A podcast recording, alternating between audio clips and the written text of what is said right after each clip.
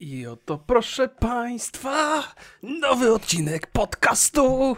Pojęcia nie mam, ja jestem prowadzący Remigiusz Maciaszek. Witam serdecznie i co tam u Państwa słychać najlepszego? Co tam dobrego? Jak tam Państwu weekend się układa? O ile u Was jest weekend, bo może być różnie. U mnie piękna pogoda, wczesna w miarę godzina, 11, 11 w niedzielę to wczesna godzina jest, nie oszukujmy się, co nie zmienia faktu, że wstałem o 7, tada, żeby potem zasnąć i, i wstać o 8 znowu, bo na dziewiątą miałem basen, więc mogłem sobie pozwolić na odrobinę dłuższy sen. Poszedłem na basen, zaliczyłem kilometr żabką. Mnie tutaj urządzenia pomiarowe poinformowały, że jest to styl klasyczny, więc proszę Państwa, żartów nie ma. Pływam stylem klasycznym. Cieszy mnie to niezmiernie, że przepłynąłem 1000 metrów, bo to jest mój rekord. Do tej pory w 45 minut przepływałem 800 metrów. E, pewnie się zaśmiejecie w środku, wewnątrz. A to 1000 metrów 45 minut, panie, to ja na piechotę w 10 minut tyle robię. No pewnie, że tak. Pewnie, że tak. Ja nie pływam specjalnie szybko. E, zawsze w moim e, takim samodzielnie opanowanym stylu pływania chodziło przede wszystkim o to, żeby przepłynąć jak najwięcej i nie zniknąć pod wodą, niż jak najszybciej. Więc jak sobie pływam, to tam y, obok, na, na pasach obok pływają tacy y, trochę bardziej wyczynowi pływacy i mnie tam prześcigają dwa razy w ciągu jednej rundki. Ja robię, ja robię 100 metrów, oni robią 125 albo 150 w tym czasie, ale to nie szkodzi. Mam siwe włosy, siwą brodę, nikt chyba nie wymaga ode mnie żebym zasuwał bardzo szybko po tym basenie. Więc sobie płynę i tak, i tak czasami ich, tak, tak czasami ich doścignę gdzieś tam od czasu do czasu, bo ja pływam w tej i we w te, nie muszę się za bardzo zatrzymywać, żeby odpocząć, a oni czasami się zatrzymają, wezmą głębszy oddech. I dzisiaj mnie taki jeden jegomość, no, obok mnie płynął ziomek, który mi e, imponującym stylem płynął, bo on płynął kraulem, ale to nie był taki kraul, taki taki agresywny. To był taki spokojny kraul, gdzie on e, praktycznie nie chlapał wodą, nigdzie tam fala się za nim nie unosiła, co się często zdarza tym pływakom, którzy gdzieś tam obok mnie pływają. I to mówię, o kurde, ale facet fajnie pływa. E, I też się nie zatrzymywał takim spokojnym, swobodnym, tak, tak się ślizgał po tej wodzie. Mówię, kurde, chciałbym tak pływać. Chciałbym tak umieć pływać, bo facet fantastycznie. Ale kraula nigdy nie opanowałem, żeby pływać kraulem, trzeba się jakoś tak pod pachą oddychać. To jest jakoś nie, nie potrafię. Nikt mnie nigdy nie uczył pływania. Tego się nauczyłem sam. No, zaraz, krótka poprawka. Takich pierwszych, do, do, do, do, takich. Pierwszy raz zacząłem pływać dzięki mojemu szwagrowi Zbyszkowi, bo on, on mnie przekonał do tego, że nie pójdę na dno, jak tylko oderwę stopy od, od tam. E, od czego tam się odrywa? Od dna. E, więc, więc on, on mnie na takiej no bo to zawsze trzeba ten pierwszy krok uczynić, więc dzięki niemu ten pierwszy krok uczyniłem. Tak mi trochę pomagał, trochę mi podpowiadał i w takim wieku par, par, parunastoletnim zacząłem pływać jakimś tam pieskiem. Potem z, czaskiem, z, czasem zacząłem pływać żabką, ale to nie jest taka wyczynowa żabka, żebym całą głowę zanurzał, nie. Tak mam twarz zanurzoną, tylko nos wystaje i tak oddycham tym nosem, oddycham. I jakoś się utrzymuję na wodzie i sobie płynę, i sobie płynę. Nie, nie, za szybko, ale stabilnie. Nie jestem jakoś przesadnie zmęczony, chociaż muszę przyznać, że za każdym razem, jak wychodzę z basenu, to te 100 kg, o, przepraszam, poprawka, 96 kg, czuję ten ciężar, to jest niebywałe. Popływać godzinę w basenie i potem jak człowiek wychodzi, to, to zaczyna rozumieć, co to znaczy grawitacja i że waży zdecydowanie nadal za dużo. No, ale tak czy inaczej nauczyłem się pływać już potem te, te takie yy, pływanie na dłuższych dystansach musiałem sobie sam e, wypracować te metody, a opowiadam o tym Państwu nie dlatego, żeby się pochwalić swoimi pływackimi zdolnościami, bo one tutaj nie ma się czym chwalić, ale opowiadam Państwu dlatego, że e, mój syn ma problemy trochę z pływaniem. To znaczy on przez... Zawsze go żeśmy wysyłali na baseny, zawsze do jakiejś szkółki, on z reguły praktycznie od, od pierwszej klasy podstawówki mm, godzinę tygodniowo chodził na te zajęcia, ale nie mógł opanować pływania. Cały czas miał z tym jakieś problemy. To znaczy mógł wskoczyć do głębokiej wody, wynurzyć się, wypłynąć, przepłynąć tam kawałek i, I jakoś sobie radził, ale kiedy trzeba było przepłynąć jakiś dłuższy dystans, to nie wyrabiał. I zacząłem go zabierać ze sobą na baseny. Dzisiaj akurat się nie udało, bo, bo był chory, bo jest chory. E, I, I zobaczyłem, na czym polega jego problem. I postanowiłem mu pomóc i mu pomogłem. Po dwóch wizytach na, na, na basenach już był w stanie przepłynąć całą długość basenu bez, bez no, trochę się męczył. Ale Zastanawiałem się, z czego wynikał, wynikały te jego problemy i po prostu wynikały z małego, z braku doświadczenia. Na tych szkółkach pływackich chyba dużo się gada, a mało się pływa. Tam jest dużo dzieciaków i oni jakoś tak pływają na zmianę albo razem w grupach, jakieś takie dziwne tam, tam rzeczy. Nie, nie, nie, nie chcę szkalować, nie, nic z tych rzeczy. Ja nie przyglądałem się temu super uważnie, ale to, czego potrzebował mój syn, to po prostu jakiegoś obycia e, z, z wodą, bo mm, z moich banalnych umiejętności wynika jedna rzecz, że pływanie to jest jakby trzeba się oswoić z wodą. Trzeba wiedzieć, kiedy brać wdech, bo jak człowiek ma powietrze w płucach, to się unosi swobodnie, jak wypuści to powietrze, no to zaczyna iść pod wodę, no bo ciężar, wiadomo. E, I, I to, co mój syn musiał opanować, to zależność między pełnymi płucami, a, a ruchami w basenie. Nie? Że dużo łatwiej się wynurzać, kiedy się ma pełne płuca i lepiej wypuszczać to, to powietrze wtedy, kiedy się jest trochę nad wodą i nabierać, kiedy się schodzi niżej, żeby, żeby to współpracowało. Nie? No i ta, no i to, no i ta e, kooperacja między powietrzem w płucach i ruchami e, rąk jest, e, ruchami rąk jest bardzo ważna. Nie? On miał takie momenty, że w niewłaściwym miejscu wypuszczał powietrze, więc musiał się ratować rękoma, był potwornie zmęczony po przepłynięciu kilku metrów. A teraz popłynął tam kilkanaście razy albo kilkadziesiąt razy te baseny w tej we w te, zatrzymując się, żeby odsapnąć. I, i, i, i, zaczął łapać. To instynktownie łapiemy chyba takie rzeczy. Oczywiście pewnie z jakimś super instruktorem szybciej by to opanował lepiej i tak dalej. Ale jak mówię, no, najważniejsze jest, żeby żeby sobie mógł swobodnie płynąć kilkaset metrów albo nawet kilka kilometrów bez obawy, że, że, że, że zatonie, bo, bo to jest zbyt męczące. Więc jak już opanuje to, pływanie, to można go wysłać. No, jak będzie chciał dalej robić i uczyć się jakoś super fajnie pływać, to, to, to pójdzie sobie sam, nie? Chociaż też może ktoś mi tutaj napisać zaraz, że że się wyrabia złe nawyki, jeżeli się samodzielnie człowiek uczy. To pewnie też jest racja, nie? No, ale, w, ale w, w, w obecnej sytuacji dla mnie najważniejsze było to, żeby się młody utrzymywał na wodzie dosyć długo i teraz to robi, więc trochę jestem swobodniejszy i spokojniejszy. Na plecach był, był w stanie płynąć dosyć długo, yy, więc i tak pewnie by nie poszedł na dno, no ale się cieszę, trochę jestem z siebie zadowolony, bo niewiele musiałem tutaj wiedzy wykorzystać, żeby, żeby go poduczyć. Jedyne co młody musiał zrobić to trochę... Yy, nabrać praktyki. I tyle, i tyle. No i to te nasze wyjazdy basenowe mu tej praktyki dostarczały. No, i tak, tak mi się dzień zaczął. Potem poszedłem jeszcze na jakiś dłuższy spacer. Dzisiaj wyjeżdżam do Warszawy. To jest 3 godziny w samochodzie, więc muszę mm, normy kaloryczne wypalić, zanim wsiądę do tego samochodu, bo to, te podróże są, są takie no ja muszę, muszę każdą wolną chwilę przeznaczać na, na odrobinę ruchu, bo bardzo to zaniedbałem w przeszłości i teraz nadrabiam bardzo mocno. I cieszę się, taki zadowolony jestem z siebie, żwawszy, żywszy. Sypia mi się łatwiej, sypiam dłużej. Dobre rzeczy, dobre rzeczy. To jest dobry czas dla mnie. Jestem zadowolony z tego, co, co tutaj robię i jak robię. No, ale to wystarczy tego klepania się po plecach, nie? E, nie wiem, co chcę Państwu przekazać. Znaczy wiem, no jakby mm, moje funkcjonowanie nie jest dowodem na nic, jedynie na to, że e, bardzo łatwo jest przegapić paręnaście lat i zmarnować czas siedząc w fotelu i patrząc w monitor. Z jednej strony oczywiście to jest fajnie, bo, bo dużo rzeczy można zrobić, można pracować, można dużo rzeczy się dowiedzieć, ale trzeba pamiętać o tym, że, że, że, że ciało jeszcze jest jednak częścią na, naszej osoby że to jest jednak twór, nad którym trzeba pracować i nie wolno o tym zapominać, bo bardzo łatwo o tym zapomnieć. Jak się jest młodym, silnym i sprawnym, e, to potem człowiek nawet nie rejestruje tego momentu, kiedy, kiedy przestaje być młody, silny i sprawny i nagle się budzi w pewnym wieku 40 paru lat i, i orientuje, że nie jest w stanie przebiec tam 500 metrów.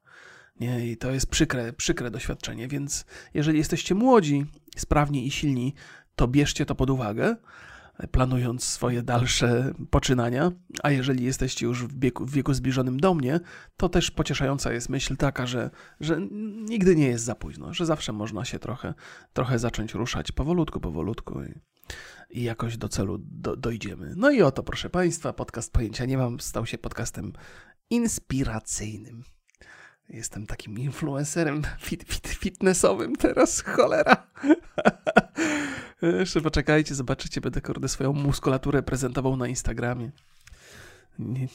Młodocianie się zlecą podziwiać moją rzeźbę. I będę gadał inspiracyjne gadki, które są nie do zniesienia. Jednak bardzo mocno to, co robimy, to, co myślimy o sobie, wpływa na postrzeganie świata. I człowiek się może zagubić w samouwielbieniu, kiedy tylko zmusi się do jakiejś tam dyscypliny okazjonalnie. Dobra, łyczek kawy. Mówię o tym, że trzeba uważać, że łatwo wpaść w pułapkę samouwielbienia. nie? Czy nie? I z drugiej strony łatwo wpaść e, w pułapkę niechęci wobec siebie.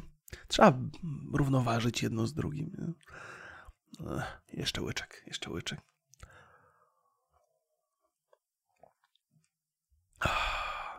Zmieniłem sobie trochę proporcje kawy ostatnio. Więcej daję kawy, odrobinę mniej mleczka. Taka jest mocniejsza trochę, ale myślę, że jestem na to gotowy. jestem kawoszem w zasadzie od niedawna. Eee, to pewnie historia, którą Państwu opowiadałem. Moja żona bardzo lubi pić kawę i, i kupiła gdzieś tam po drodze tego, tego uwielbienia do kawy ze trzy ekspresy.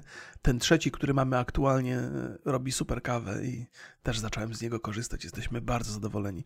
A już Państwu opowiadałem, jaki to ekspres. Jeżeli ktoś jest ciekaw, no to być może gdzieś tam kiedyś to powtórzę, ale teraz nie pamiętam. Ja zawsze mam, mam problemy z zapamiętywaniem tych rzeczy. Więc mogę też być influencerem kawowym, jeżeli Państwo chcą. Tada!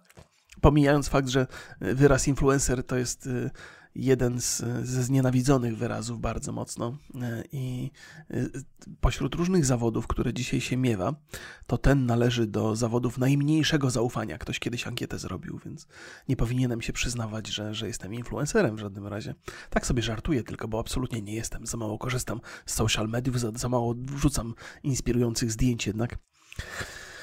Jak mnie ktoś pyta teraz, kim jestem, to, to nie wiem, co powiedzieć. Na szczęście nikt mnie nie pyta, chyba tak mało poznaję nowych ludzi, żeby o tym opowiadać.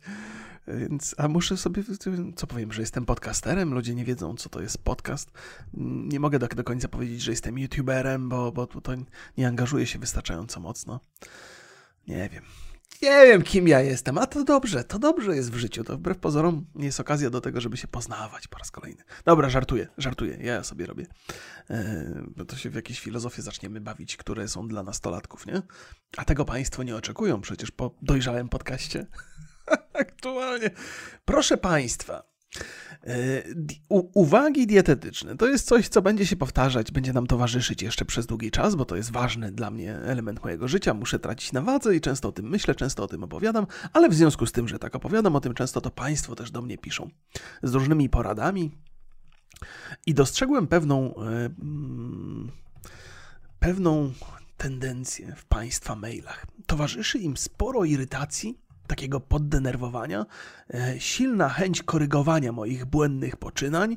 Mm, I jest tam, powiedziałbym, nie tyle dużo agresji w tych, w tych wiadomościach, co, co właśnie takiego, takiego poddenerwowania, tej, tej irytacji, tego poddawania wątpliwość. Mm, jest tego zaskakująco dużo. I z, z, zacząłem się zastanawiać. Oczywiście na, na, pierwsza moja reakcja jest taka, że co wy mi tu będziecie mówić? Przecież schudłem 30 kg, chyba wiem co robię i robię to skutecznie. Mógłbym książki pisać. Właściwie dużo osób, które są gdzieś tam rozpoznawalne w przestrzeni publicznej, natychmiast po zgubieniu takiej, takiej takiej wagi piszą poradniki dla innych. Nie? To jest bardzo kuszące oczywiście. Ja w żadnym razie bym się za to nie chwytał, bo jestem także rozsądnym człowiekiem. Może nie mam pojęcia, ale rozsądny jestem i się nie, nie pcham się ze swoją błahą i banalną wiedzą na, na żeby ludziom rady dobre dawać, ale na skutek tej irytacji mówię, no nie, no przecież państwo nie są tacy, żeby tu się na mnie tak wkurzać, to musi być coś innego. Mówię, Coś nas dzieli, mamy różnice zdań, ale coś nas musi łączyć. Co nas łączy? Co łączy tych ludzi, którzy, którzy się odchudzają którzy, i którzy się odchudzają skutecznie? Proszę Państwa, dwie rzeczy nas łączą: determinacja i konsekwencja. I musimy się skupić na tym, co nas łączy, ponieważ dzielić nas będzie mnóstwo rzeczy, ponieważ ta determinacja i konsekwencja wprowadzana jest w życie na różne sposoby i każdy ma własne. Nie ma, e, nie ma takiej rewelacyjnej metody, która będzie działała wobec wszystkich. Każdy ma inną metodę. Ja mam takie poczucie, że czasami Państwo piszą do mnie, będąc świadomi swojej metody, która dla Was była skuteczna, i kiedy widzicie, że ja jej nie stosuję albo stosuję jakąś inną, to to wzbudza Wasz protest i Waszą irytację. Niepotrzebnie zupełnie. Za bardzo się skupiamy na tym, co nas dzieli, zamiast na tym, co nas, co nas łączy, czyli ta konsekwencja i determinacja. To są najważniejsze cechy. I pomyślałem sobie tak. Jest często tak, że ktoś wybierze sobie jakąś metodę odchudzania, stosuje ją, ona jest skuteczna, więc wychodzi z założenia, że ona jest na pewno dobra i warto ją polecać innym. Ale wydaje mi się, że w tym odchudzaniu zapominamy o jednej ważnej rzeczy, badając tę metodę naszą.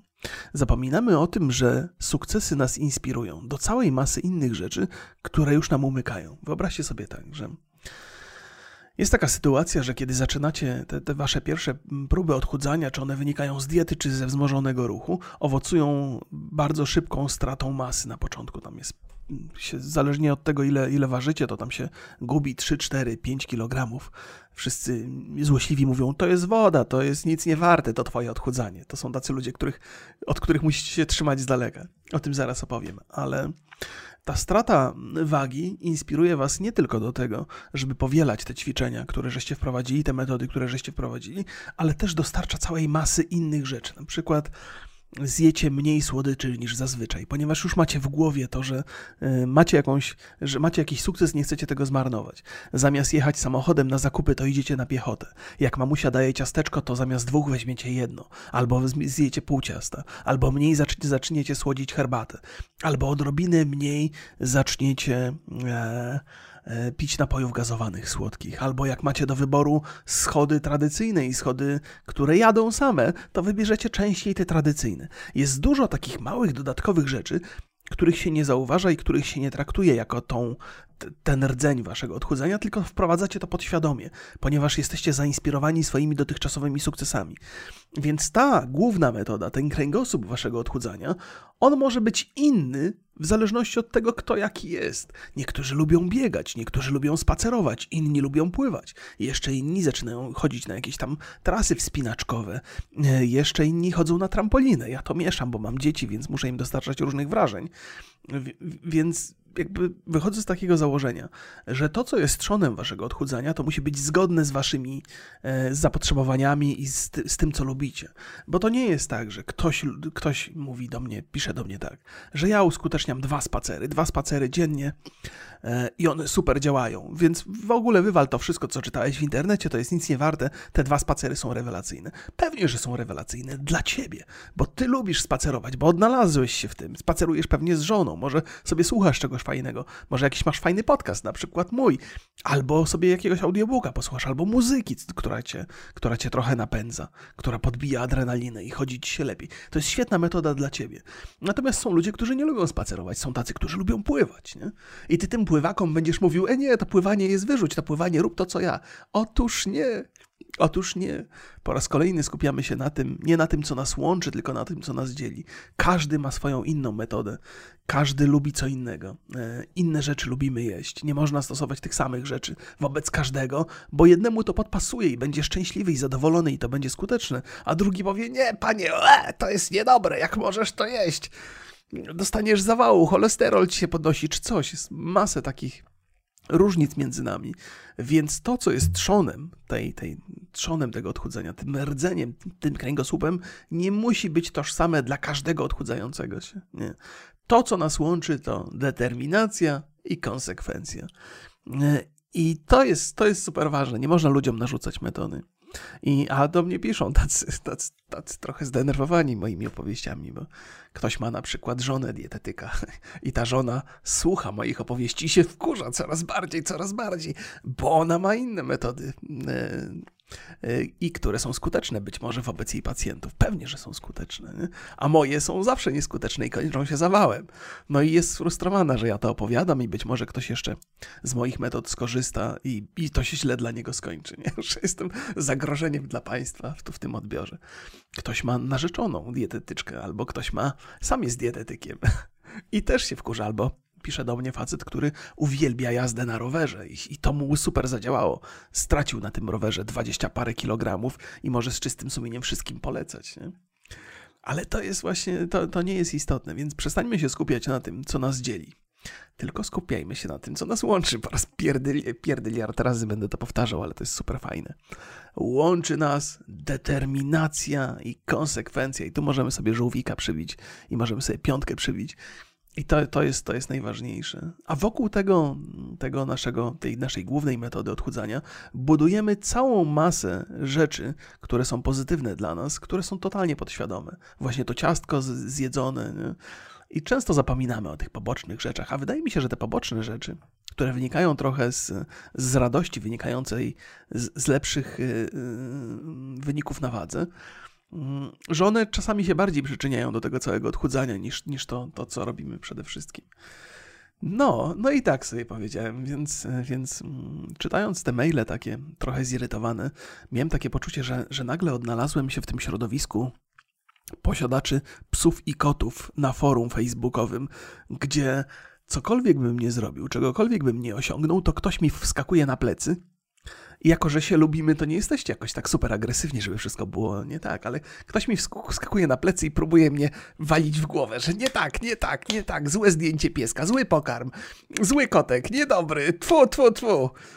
Więc trochę się czuję, trochę, trochę się czuję momentami yy, napastowany, ale spokojnie, to nie jest tak, że się chcę na was poskarżyć czy coś. Myślę, że to, że to dużo mi dało do myślenia i generalnie jest korzystne dla mnie, bo też yy, czytając te, te, te maile sobie tam mówię, a tutaj jak ktoś ma fajną metodę, to sobie wezmę, tak właśnie opowiadałem, że do mnie taki spacerowicz napisał, proszę wybaczyć, że nie pamiętam kto, bo, bo, bo nie mam teraz tego maila otwartego, a tam jest dużo, nie znalazłbym teraz teraz musiałbym szukać i szukać. Więc zerknę, tam się odwołam. E, pozdrowie oczywiście. E, Spacerowicz do mnie napisał i, i mówi, że tam trzy, takie 3-kilometrowe, 30-minutowe e, marsze uskutecznia i to super fajnie mu działa. W związku z tym mówię, no to jest spoko, co to jest 30 minut. Ja i tak sobie marszowałem do tej pory, ale teraz właśnie Podzieliłem sobie marsze na takie dwa w ciągu dnia i tam 30, przez 30 minut próbuję przejść 3 km, co nie jest takie proste. Osiągnięcie marszem e, jednego kilometra na 10 minut wymaga trochę wysiłku, e, ale to jest dobre, więc, więc dążę do tych 3 km w 30 minut. Na razie udało mi się chyba osiągnąć. Ja jakby nie spinam się, jakby nie walczę tak super intensywnie o ten wynik. Wiem, że, że te rzeczy się poprawia z czasem, więc chyba 10,39 na kilometr marszem i mówię, ok, no to z dnia na dzień jest coraz lepiej. To jest fajna metoda, 3 km to nie jest tak dużo, 30 minut to nie jest tak dużo. Dam sobie radę, więc skorzystałem z, z, z tej porady.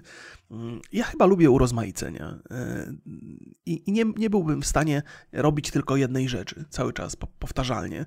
Więc czasami się przejdę, czasami pojadę na rowerze, czasami pójdę na basen, czasami sobie poskaczę z dzieciakami na trampolinie. To jest coś, co, co, co mnie kręci, bo rzeczy się zmieniają. Czasami sobie posłucham podcastu, muzyki posłucham. Mm, super miałem mail. I znowu nie pozdrowię. O, nie, to muszę, muszę chyba jednak pogrzebać w tych mailach, żeby Państwu... Ktoś mi polecił zespół muzyczny, to było super fajne. E, I ktoś mi napisał, to jest tak. Zespół nazywa się Baby Metal. Jeżeli cię nie odnajdę, szanowny, Eee, no, nic nie odnajdę cię, bo nie, podpis, nie, nie podkleiłem tego. Wspinaczka, nadwaga, szczepienia. Eee, moi kochani płaskoziemcy takie są. Eee, no właśnie, polecenie. Okej. Okay. Dobra. O! Proszę bardzo. Pan Jakub mi napisał. Chyba, chyba pan Jakub mi napisał. To jest też długi mail. Mm, Okej, okay, więc opowiadam Państwu. Pan Jakub mi polecił taki zespół, który się nazywa Baby, baby Metal. To jest, to jest japoński zespół. Oni grają taką ostrą muzykę, ale towarzyszy temu, towarzyszą, tej muzyce towarzyszy wystąpienie trzech dziewczyn, które mają no, oczywiście takie japońskie głosy jak z anime. To nie, nie bywało jak, jak wysokie są to głosy, ale śpiewają, tańczą, tam ta cała choreografia, koncerty wyglądają fantastycznie. To jest taki Rammstein, ale w dosyć kulturalnej odsłonie, bo Rammstein to jest taki, jak oni robią koncerty, to ten z, Rammsteinu, z Rammsteina potrafi wyjąć e, sztucznego penisa i z tego sztucznego penisa wypuszczać wodę intensywnym strumieniem na swoich fanów. Nie? To jest tak, okej, okay, rozumiem, e, rozumiem pewien, pewien artystyczny mm, przekaz, natomiast to jest przekaz, który jest poniżający, ok? Nawet jakbym był fanem, gdyby ktoś wyciągnął sztucznego penisa i zaczął mnie oblewać, to nie byłbym usatysfakcjonowany tym, ok? Uważałbym, że to jest poniżające i że, że to mi się nie podoba. I bym więcej na taki koncert nie poszedł, poszedł, mimo że Rammsteina lubię sobie słuchać, ale nie podobają mi się ich te występy.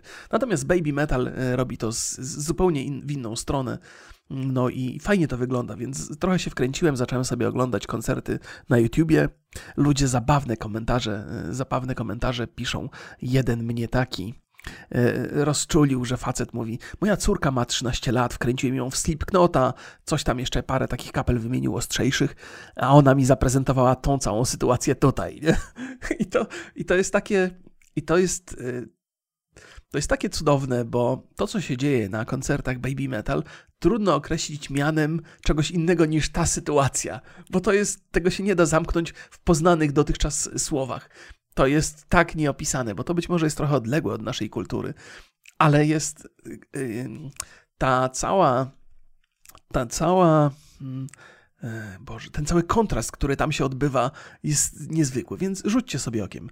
E, jest taki kawałek, który się nazywa Headbanger i, i parę jeszcze in, innych Road of Resistance, ale jak sobie wpiszecie Headbanger na YouTubie, Baby Metal Headbanger, to znajdziecie e, ten koncert i pewnie potem YouTube wam podrzuci po prawej stronie kilka innych propozycji.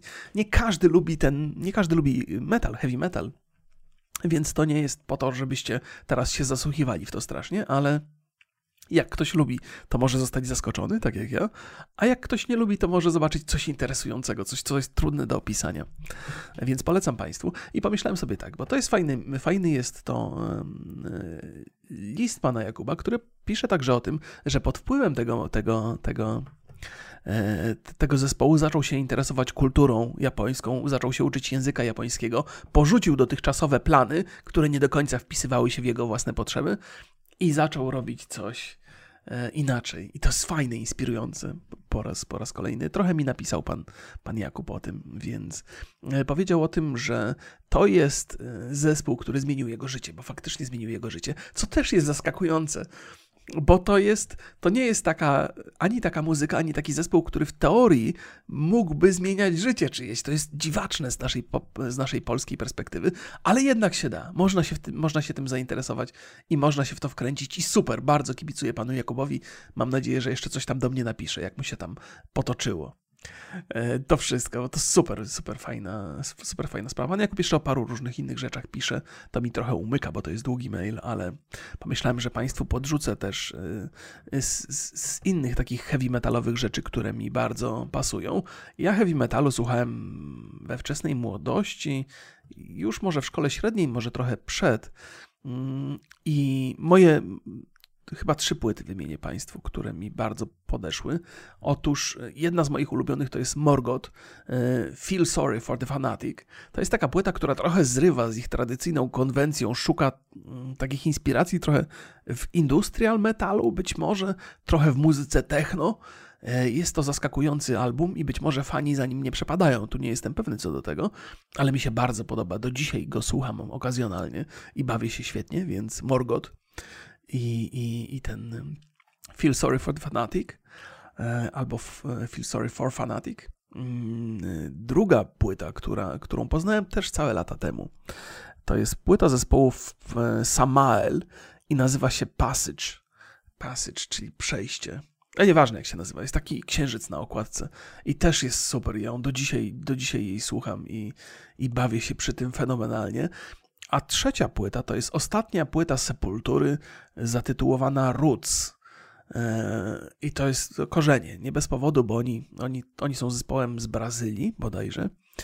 E, I ostatnią płytę nagrali e, po odwiedzinach wśród takich plemion brazylijskich, tam w Ameryce Południowej, może nie brazylijskich, może w Brazylii jeszcze, ale jeszcze w Ameryce Południowej. Szukając inspiracji w tradycyjnych takich dźwiękach plemiennych, i słychać to na tej płycie bardzo mocno. Ja, ja, ja uwielbiałem tę płytę w młodości i i do dzisiaj okazjonalnie ją słucham, muszę sobie odświeżyć. I to są takie trzy płyty, które oczywiście życia mojego nie zmieniły, ale dużo dla mnie znaczą, często do nich wracam. I tak słuchając sobie tych płyt, zwłaszcza Morgotu ostatnio, pomyślałem, że nie zawsze tak jest, E, bo ja nie jestem w stanie powiedzieć, czy to są dobre płyty. Wydaje mi się, że są dobre, ale tak naprawdę mm, muzyka czasami nie musi być zaklasyfikowana jako dobra, nie musi zajmować czołowych miejsc na listach przebojów, ale ważne, że trochę gra na tych samych nutach, co w danym momencie wasza dusza, że się pojawia pewna synergia między tym, co budzi wasze emocje, emocje tym, co chcecie słuchać, a tym, co dany zespół ma do zaprezentowania. Więc całkiem jest możliwe, że rzucicie uchem na te płyty, które wam podrzuciłem, jeżeli lubicie heavy metal i nic tam nie zauważycie. Nie zobaczycie nic w tym, ale to wcale nie oznacza, że, że w tej płycie nic nie ma. Dla mnie coś tam jest. Jakoś zgrałem się. Czasami jest też tak, chyba jest takie, takie coś, że, że między y, albumem a użytkownikiem dochodzi do, do tej synergii, do tego zgrania się że możemy przesłuchać płytę raz, dwa i mieć takie poczucie, e, to chyba nie jest największy hicior tego zespołu. To chyba nie do końca jest fantastycznie zrealizowany. Ale potem nie macie czego słuchać trzeci, czwarty raz i nagle coś wam zaczyna, z, z, zaczyna to trochę w człowieka wchodzić, zaczyna działać i zaczyna e, grać na odpowiednich nutach. I wy i ta płyta nadajecie na tych samych falach. Coś takiego jest. Jak do butów człowiek potrafi, jak do dobrych butów, człowiek się potrafi przystosować, mimo że na początku ma odciski, coś mu się tam skóra zdziera, ale potem zaczynają, to, to zaczyna jakoś działać. Człowiek jest elastyczny, potrafi się zmieniać. Myślę, że w kwestii muzyki dochodzi do tego samego. I tak było, jest, ja, ja mam dużo sympatii do płyt różnych zespołów, które nie były hitami albo nie były przez fanów uznane za najlepsze. Powiem, podam wam przykład. Metallica jest takim świetnym zespołem. Bardzo lubię czarną płytę Metaliki, gdzie mocno e, Metallica zrywała ze swoją dotychczasową konwencją. To, co wcześniej grali, to był taki trash metal, płyta Master of Puppets czy Ride the Lightning. To były takie płyty e, ostre, powiedziałbym. Ale było tam dużo melodyczności, albo e, And Justice for All, też jedna z moich, bardzo, bardzo, bardzo lubię tę płytę, ale czarna płyta, którą niektórzy tytułują Enter, Enter Sandman, co jest chyba błędem, ale nieważne. Czarna płyta Metaliki, zatytułowana po prostu Metalika, e, zmieniła trochę ich konwencję i dostarczyła pewnie e, fanom dużo okazji do namysłu i pewnie też dużo nowych fanów zdobyli. Po tej płycie były, były dwie.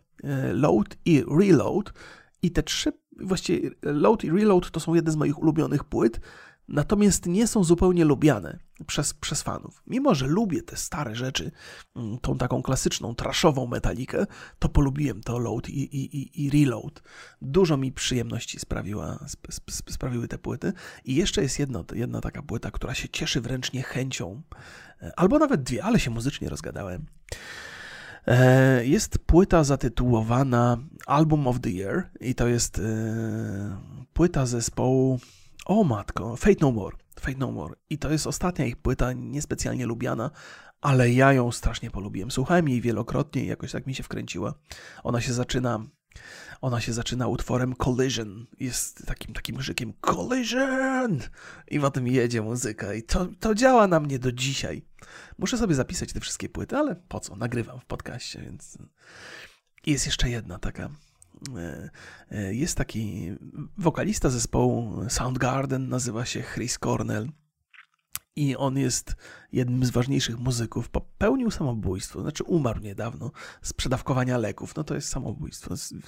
To jest, nie mogę przestać gdzieś tam, cały czas mam to z tyłu głowy, nie mogę przestać o tym myśleć. Strasznie żałuję tego i nie wiem z czego to wynika. Facet miał rodzinę, karierę, e, nie osiągał takich wyników jak kiedyś w przeszłości. Soundgarden robił niesamowite e, świetnie się te płyty sprzedawały, to zespół był bardzo popularny, a on nagrał taką płytę zatytułowaną Scream, czyli krzyk. gdzie producentem chyba wykonawczym, tak to się nazywa, był Timbaland. I ta jego muzyka, która z reguły była taka mm, gitarowa, melodyjna, taka taka surowa, trochę analogowa, o analogowa to jest dobre słowo, przeszła w taką trochę elektroniczną, bardziej popową, zupełnie inaczej brzmiała. Ale to jest nadal płyta, która była pełna tego Chrisa Cornella i ja ją polubiłem mimo wszystko. Natomiast fani Chrisa Cornella niespecjalnie. Tam było dużo narzekań, dużo takiego yy, napastowania trochę tego faceta na forach i w radiu nawet.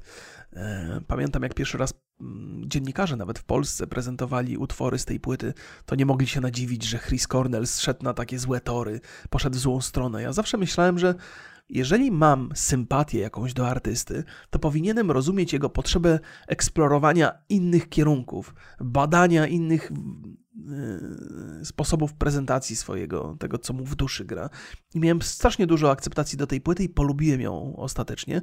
I też miałem okazję posłuchać koncertu Chrisa Cornella z, y, z tej płyty, takiego analogowego koncertu, że on siedzi przed mikrofonem, gra na gitarze, więc nie ma tam żadnej elektroniki niepotrzebnej.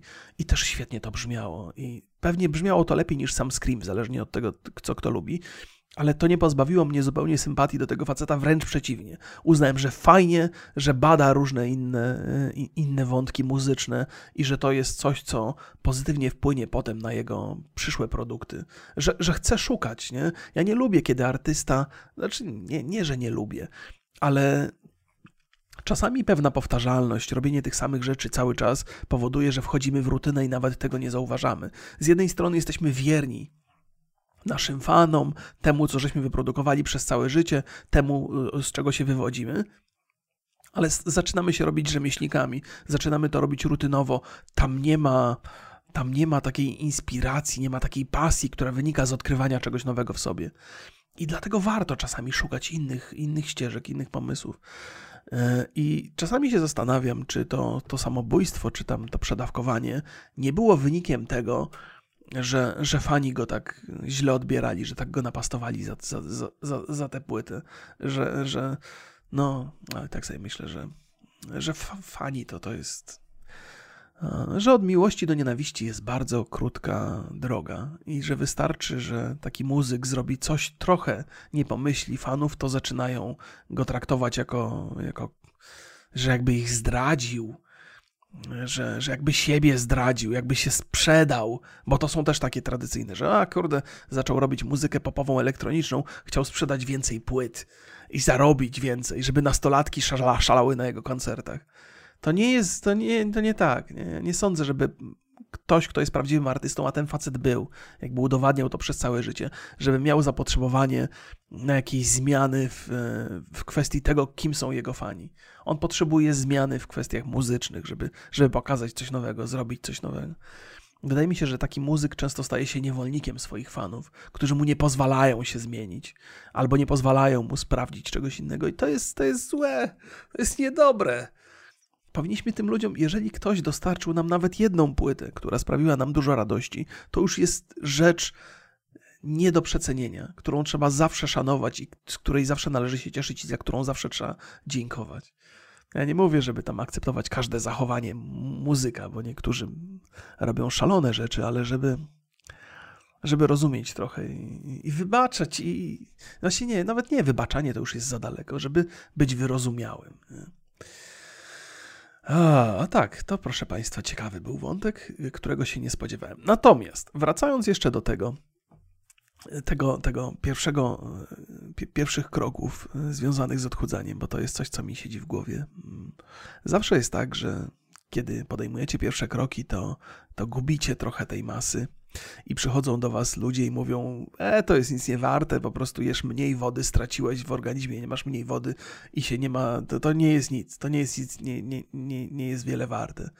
I proszę państwa, jeżeli ktoś wam takie rzeczy mówi i nie jest to wasza żona, e, to musicie się tych ludzi pozbyć z waszego życia. To nie są ludzie, którzy wam sprzyjają. To są ludzie, którzy was będą kuźwa walić po głowie i będą was dołować i będą wam utrudniać. To nie są ludzie, którzy chcą was zainspirować. To nie są ludzie, którzy chcą wam pomóc. To nie są ludzie, którzy chcą waszego sukcesu.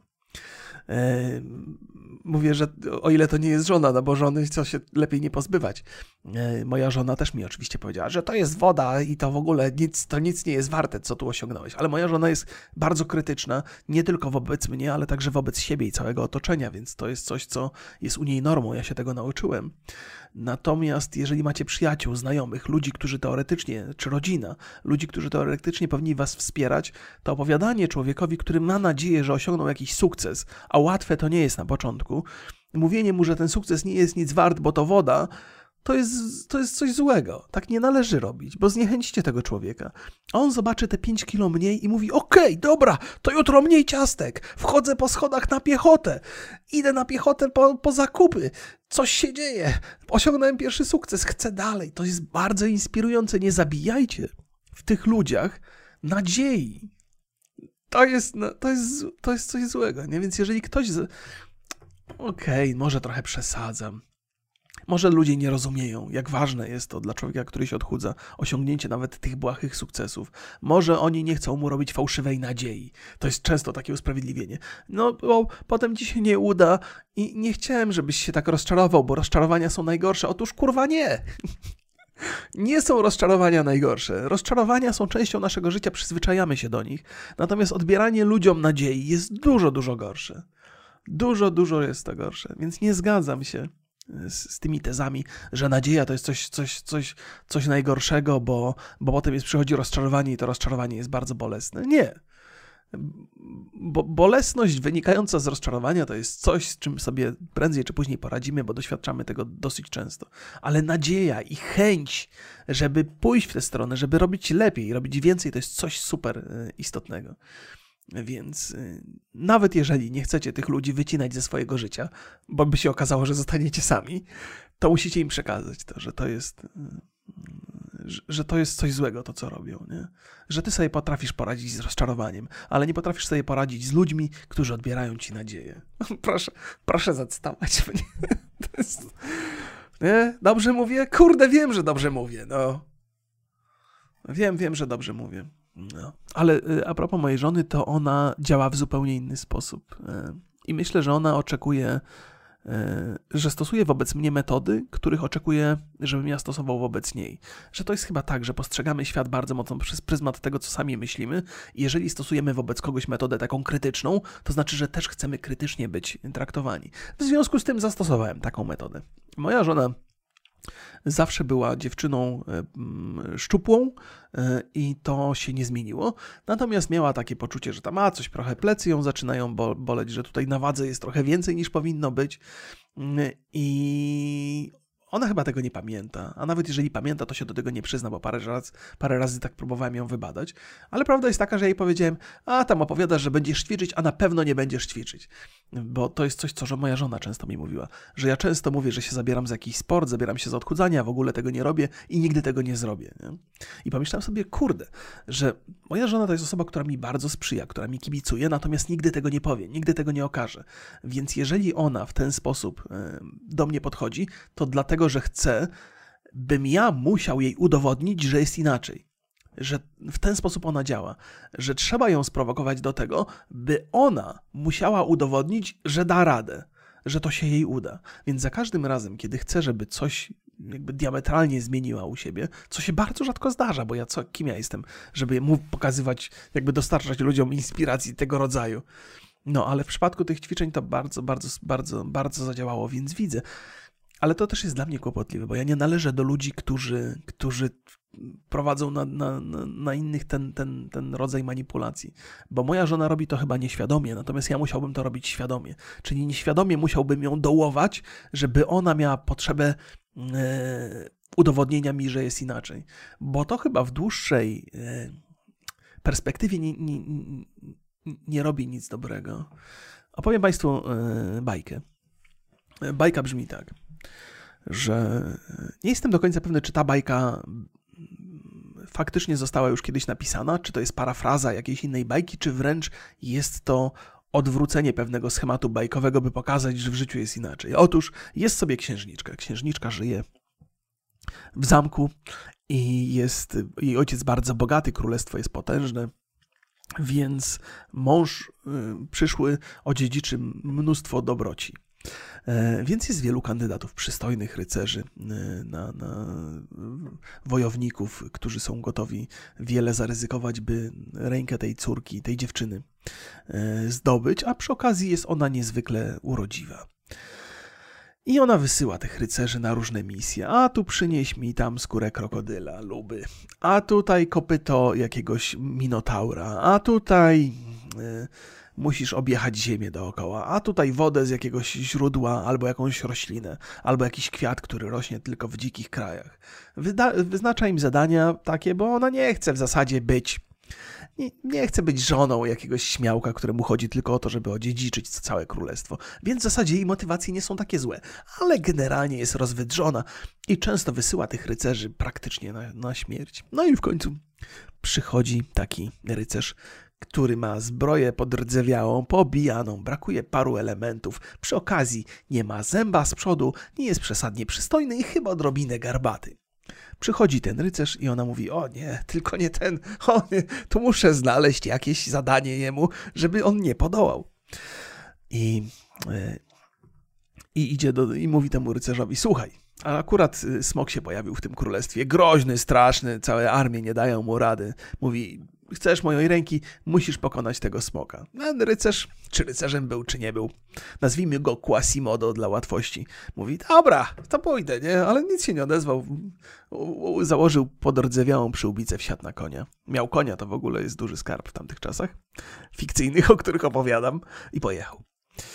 Pojechał, pojechał do tego, e, tego smoka szukać. I szuka tego smoka, szuka smoka gdzieś tam akurat w okolicy przejeżdżał, gdzie smok e, zrobił wielkie polowanie, nażar się, tam bydło, krowy, owce, spalił wieśniaków, spalił domy i poleciał sobie do jaskini. No, ten rycerz sobie spokojnym truchtem jedzie, jedzie do tego, do tego smoka, wchodzi do jaskini, akurat smok drzemie po, po uczciwie z, z, z, zapracowanym posiłku. No to ten rycerz podchodzi, ściąga jakąś tam swoją broń i rozwala temu smoku łeb. To tak od razu, taka historia.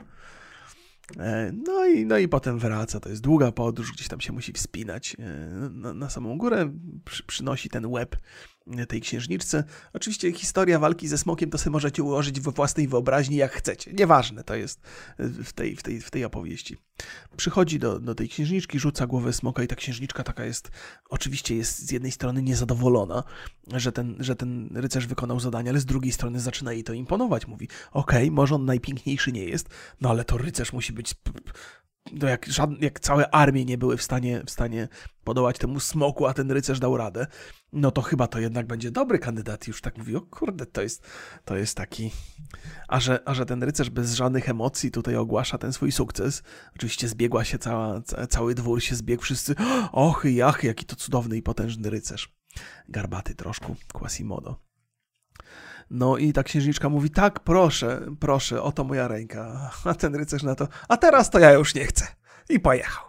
I to jest taka historia właśnie, y, która, która może się przydarzyć, kiedy, kiedy się do człowieka podchodzi w sposób krytyczny, kiedy się mu daje wyzwania po to, żeby ich nie pokonał, tylko dlatego, że on ma udowodnić, że jest w stanie, bo potem ten człowiek, który udowodni, że jest w stanie, to może powiedzieć, a teraz to się wypchaj, teraz to ja już cię nie lubię, jak mi tak, tak krytycznie na mnie patrzysz i próbujesz mnie dołować. Nie? Więc czy ta, czy ta, czy ta historia spowodowała, że zgubili państwo wątek? Bo to była opowieść o mojej żonie i o mnie. Nie, że ja jestem garbatym rycerzem, tylko że ja manipulując w ten sposób, by spełnić jej potrzeby, by ją skłonić do jakiegoś tam intensywnego działania, e, no, no, e, robię coś, co nie jest mi bliskie, nie? Czyli, czyli dołuję ją, dołuję ją, żeby ona się musiała wybić, nie? Bo jak się już wybije, to może powiedzieć, że teraz to już mnie nie potrzebuje, skoro ja jestem taki, nie wierzę w jej sukces i tak dalej, nie? Jest taka pułapka otóż w tej całej sytuacji. I próbowałem parę razy z moją żoną o tym rozmawiać. Gdzieś tam w przeszłości mieliśmy takie rozmowy, że mi się nie podoba to, że ona tak nie wierzy w mój sukces, że, że, że mnie dołuje, że ja za każdym razem, kiedy próbuję się wybić, to ona mnie tu trochę przyciska do podłogi, żebym za wysoko nie podskoczył. I rozumiem, z czego wynika jej potrzeba, żeby motywować mnie w ten sposób, ale nie jestem do końca pewny, bo to łatwo, łatwo jest opisywać innych ludzi. To nie jest tak, że ja przeprowadziłem jakąś super psychoanalizę mojej żony. Nie? Po prostu znam ją tak długo, że rozumiem ją lepiej niż ja rozumiem siebie. Przypuszczam, że to działa w drugą stronę, że ona siebie mniej rozumie niż rozumie mnie. Więc, więc próbuję je jakoś tak, jakoś ją przekonać, że to, że trzeba zmienić to podejście, że trzeba bardziej inspirować, trochę ze względu na dzieci. Boję się, że moje dzieci e, też raczej będą e, miały więcej radości z działań, które kiedy rodzice w nie wierzą, kiedy inspirują, kiedy zachęcają, kiedy chwalą sukcesy, niż to, kiedy poddają te sukcesy w wątpliwość. E, no bo to potem chyba pozostaje w człowieku i potem on te same metody stosuje wobec swoich dzieci i tak dalej, i tak dalej.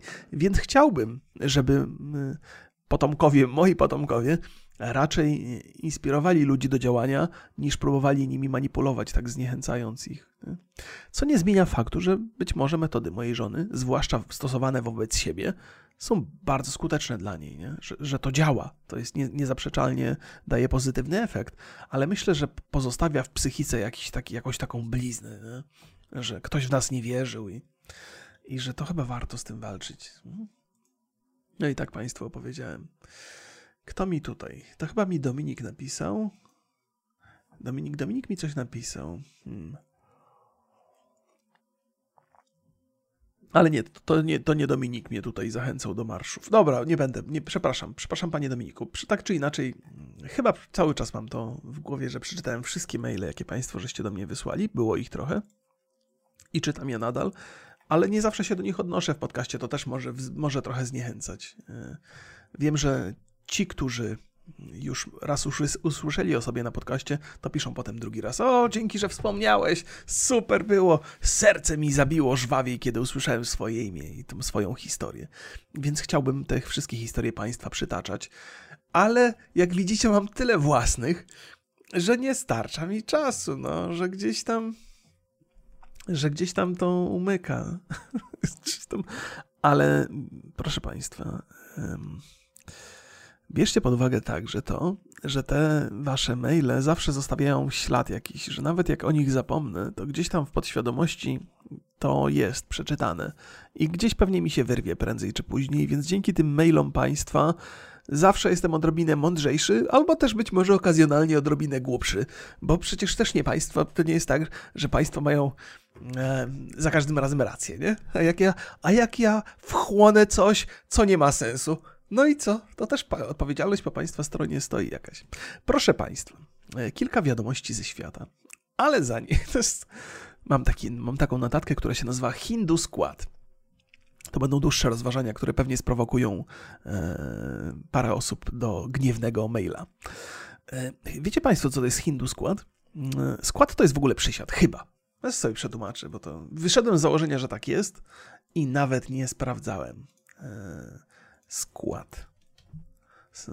Kucać, to jest kucanie. No to pewnie przysiad. E, skłoterzy to są ci, co kucają w, w, w bezprawnie zajętej nieruchomości, nie? Skład. Więc, proszę Państwa, najmilszego.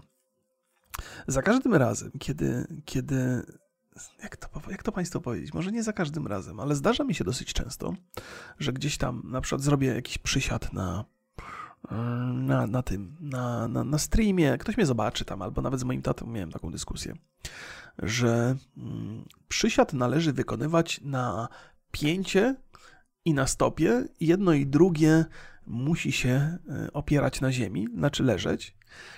I mm, jest coś takiego jak ten przykuc słowiański, tak to się mówi, czy tak? Słowiański przykuc, że człowiek e, dosyć swobodnie trochę siedzi na piętach, że, że stopy są w całości oparte na ziemi, kolana i tam, no taki, taki przysiad. E, I, I, ludzie mówią, że to jest właściwa metoda na, na robienie przysiadów i pewnie mają dużo racji. Tam większość ćwiczeń takich różnych, e, na przykład w ringficie też zakłada opieranie się na, na, na, na palcach i na stopach. Natomiast ja mam takie... E, zawsze miałem przekonanie, że w tych przysiadach brakuje pewnej dynamiki, takiej brakuje tego, co ja zawsze lubiłem robić. Otóż jak to Państwu wytłumaczyć? Ja dużo bardziej lubię przysiady, które wykonuje się, kiedy kucamy będąc na palcach, trochę przechyleni do przodu, pięta jest w górze i niezwykle mocno są napięte łydki, jak, tak jakby do skoku. Jakby Państwu to prze, prze, przetłumaczyć na język, nie wiem, zwierzęcy, to yy, przysiad na samych palcach robi drapieżnik, natomiast przysiad na pełnych stopach robi ofiara. Dlatego mówię, nie żeby ofiara, nie, czekać, drapieżnik, yy, powiedzmy nie ofiara, tylko ten, co je rośliny, roślinożerca, okej? Okay? Czyli predator, czyli mięsożerca i roślinożerca. Bo jak się robi przysiad tylko na palcach z napiętymi łydkami, to człowiek jest jak sprężyna, jest gotowy do skoku, to jest przygotowanie do skoku. Jest w stanie zerwać się jak rakieta, wystartować. I to jest coś, co ja zawsze lubiłem. Nie lubiłem podczas ćwiczeń znajdować się w pozycji, która jest ciężka do wyprowadzenia.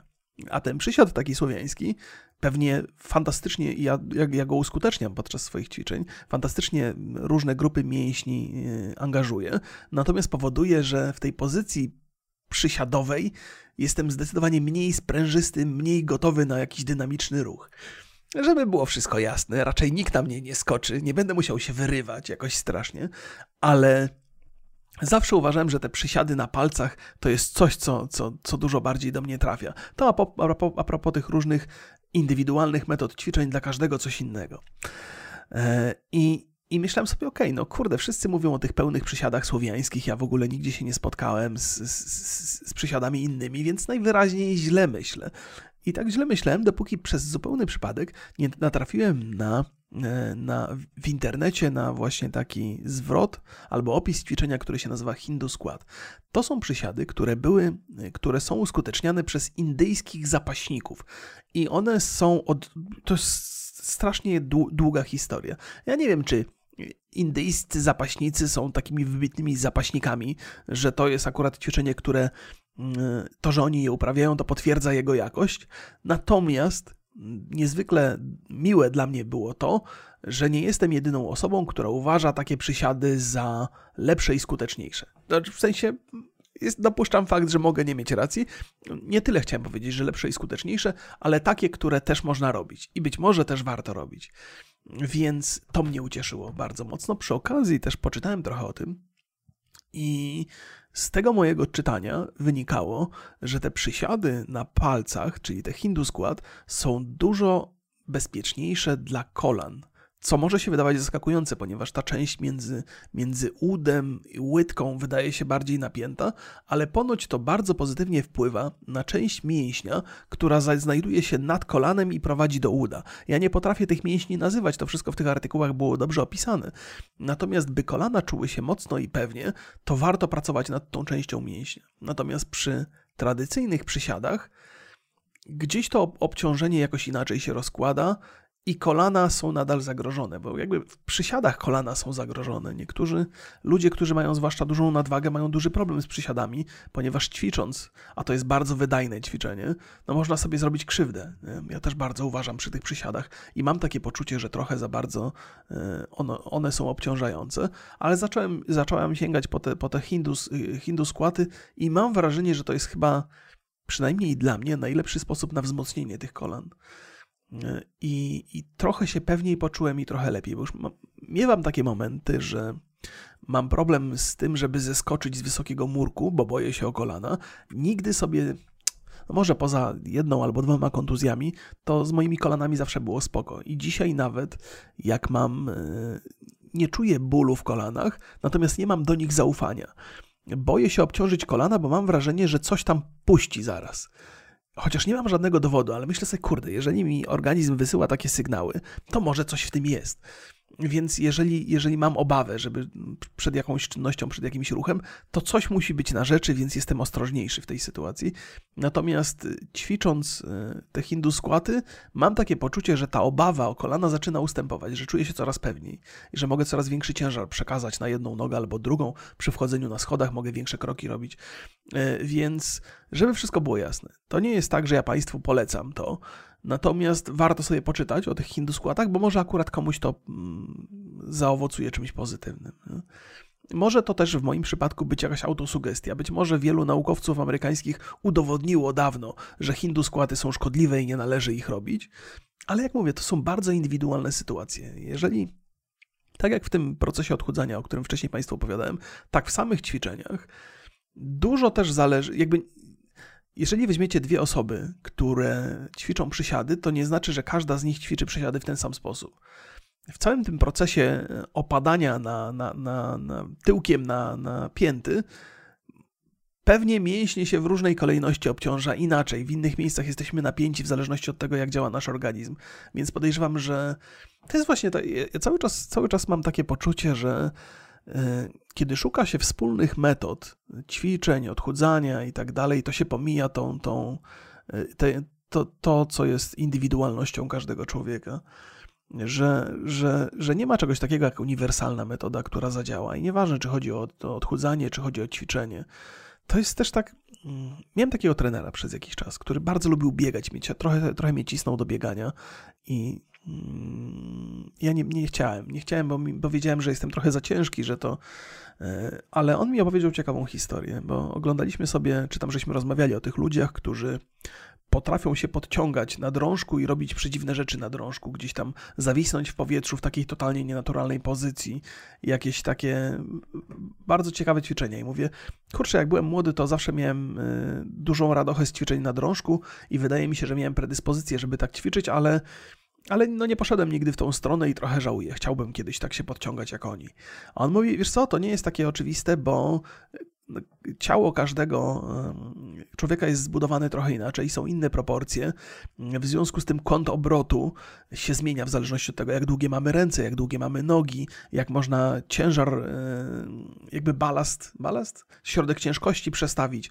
I nie każdy jest w stanie ćwiczyć na drążku w ten sposób. To jest facet, który ćwiczył bardzo dużo i on mówi, ja próbowałem, ale nie byłem w stanie wykonywać tych ćwiczeń na drążku, bo moje ciało jest inaczej zbudowane. Ja dużo lepiej radzę sobie podczas biegów, jakichś ćwiczeń, które są związane związane z nogami. Nie? Ja mówię, o kurde, to jest, to jest ciekawostka. Facet się zna, bo po, po, po AWF-ie dużo, dużo też ćwiczył z ludźmi i myślę, że można mu zaufać, tym bardziej, że nie był taki napastliwy w tych swoich metodach. Widać było, że, że on to jest rozsądny facet, który ma wiedzę. Nie?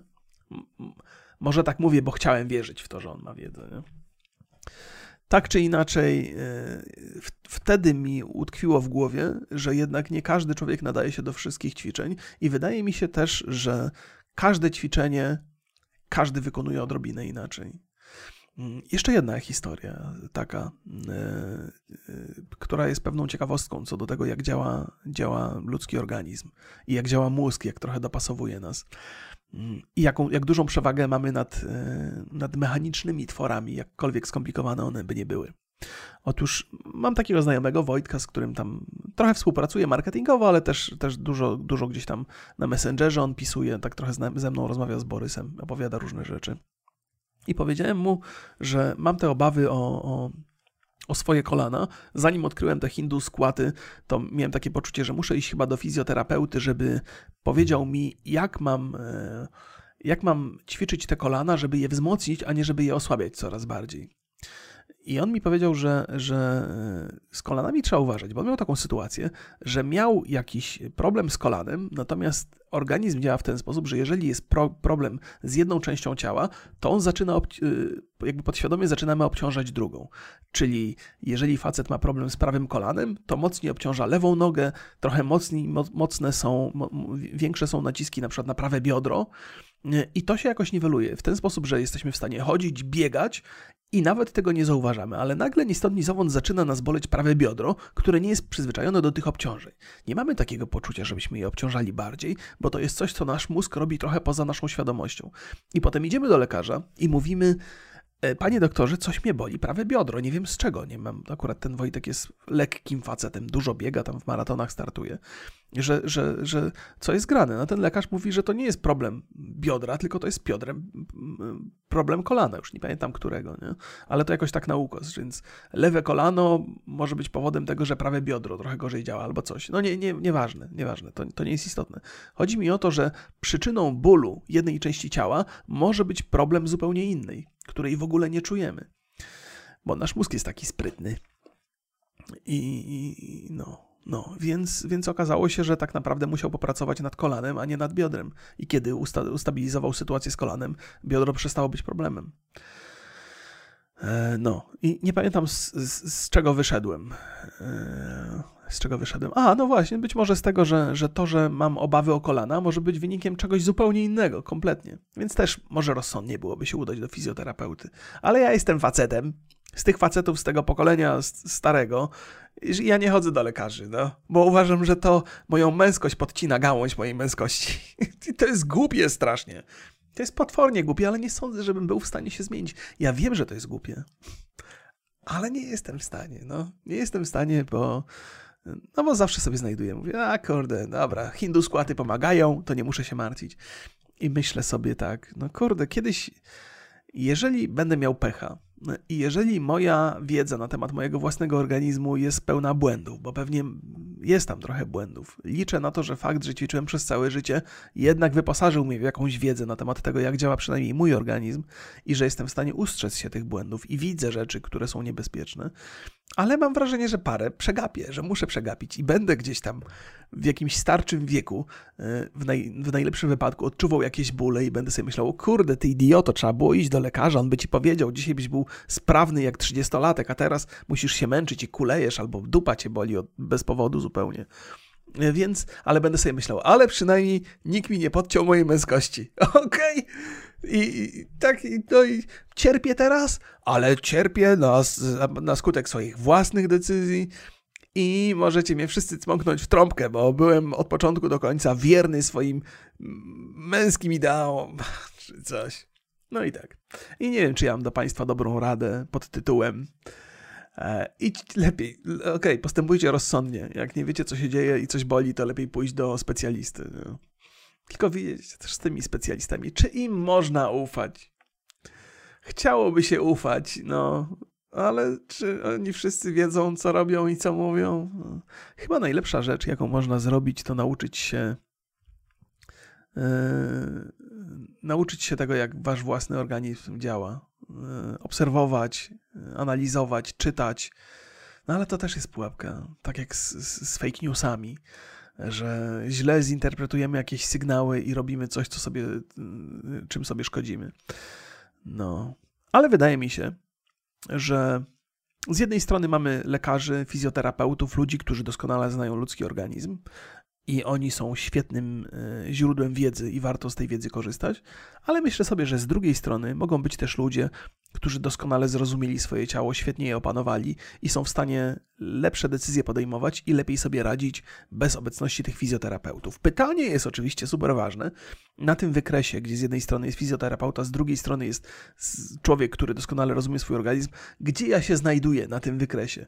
Czy jestem bliżej tej swojej niewiedzy absolutnej, i powinienem się udać do fizjoterapeuty, czy jestem bliżej wiedzy tego sportowca, że mogę sobie sam zaufać? Myślę, że jestem bliżej fizjoterapeuty, ale i tak za głupi jestem, żeby tam pójść. A jak Państwo myślą? Gdzie są nawet na tym wykresie sami? Wiecie najlepiej, co jest dla Was dobre?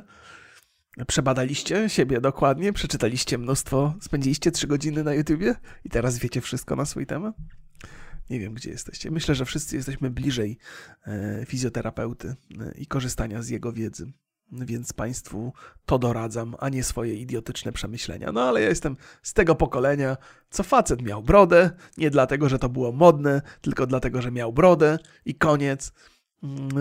I tam się nie chodziło i się nie mówiło, panie doktorze, tu mnie boli i tu mnie boli, co by tu zrobić? O, tutaj trzeba pomasować, trzeba pomasować udo. O, dobrze, panie doktorze, to ja już idę, się zgłoszę tam się do, do masowania. Nie, mowy nie ma. Ja tu, panie doktorze, jeżeli, jeżeli coś w tej terapii jest mniejszego niż batorzenie, wyginanie i tortury, to ja z tego nie korzystam, bo to nie jest terapia dla mężczyzny. Idiotą jestem, ale nie szkodzi. Jakoś żyję. Pozdrawiam Państwa bardzo serdecznie i do usłyszenia.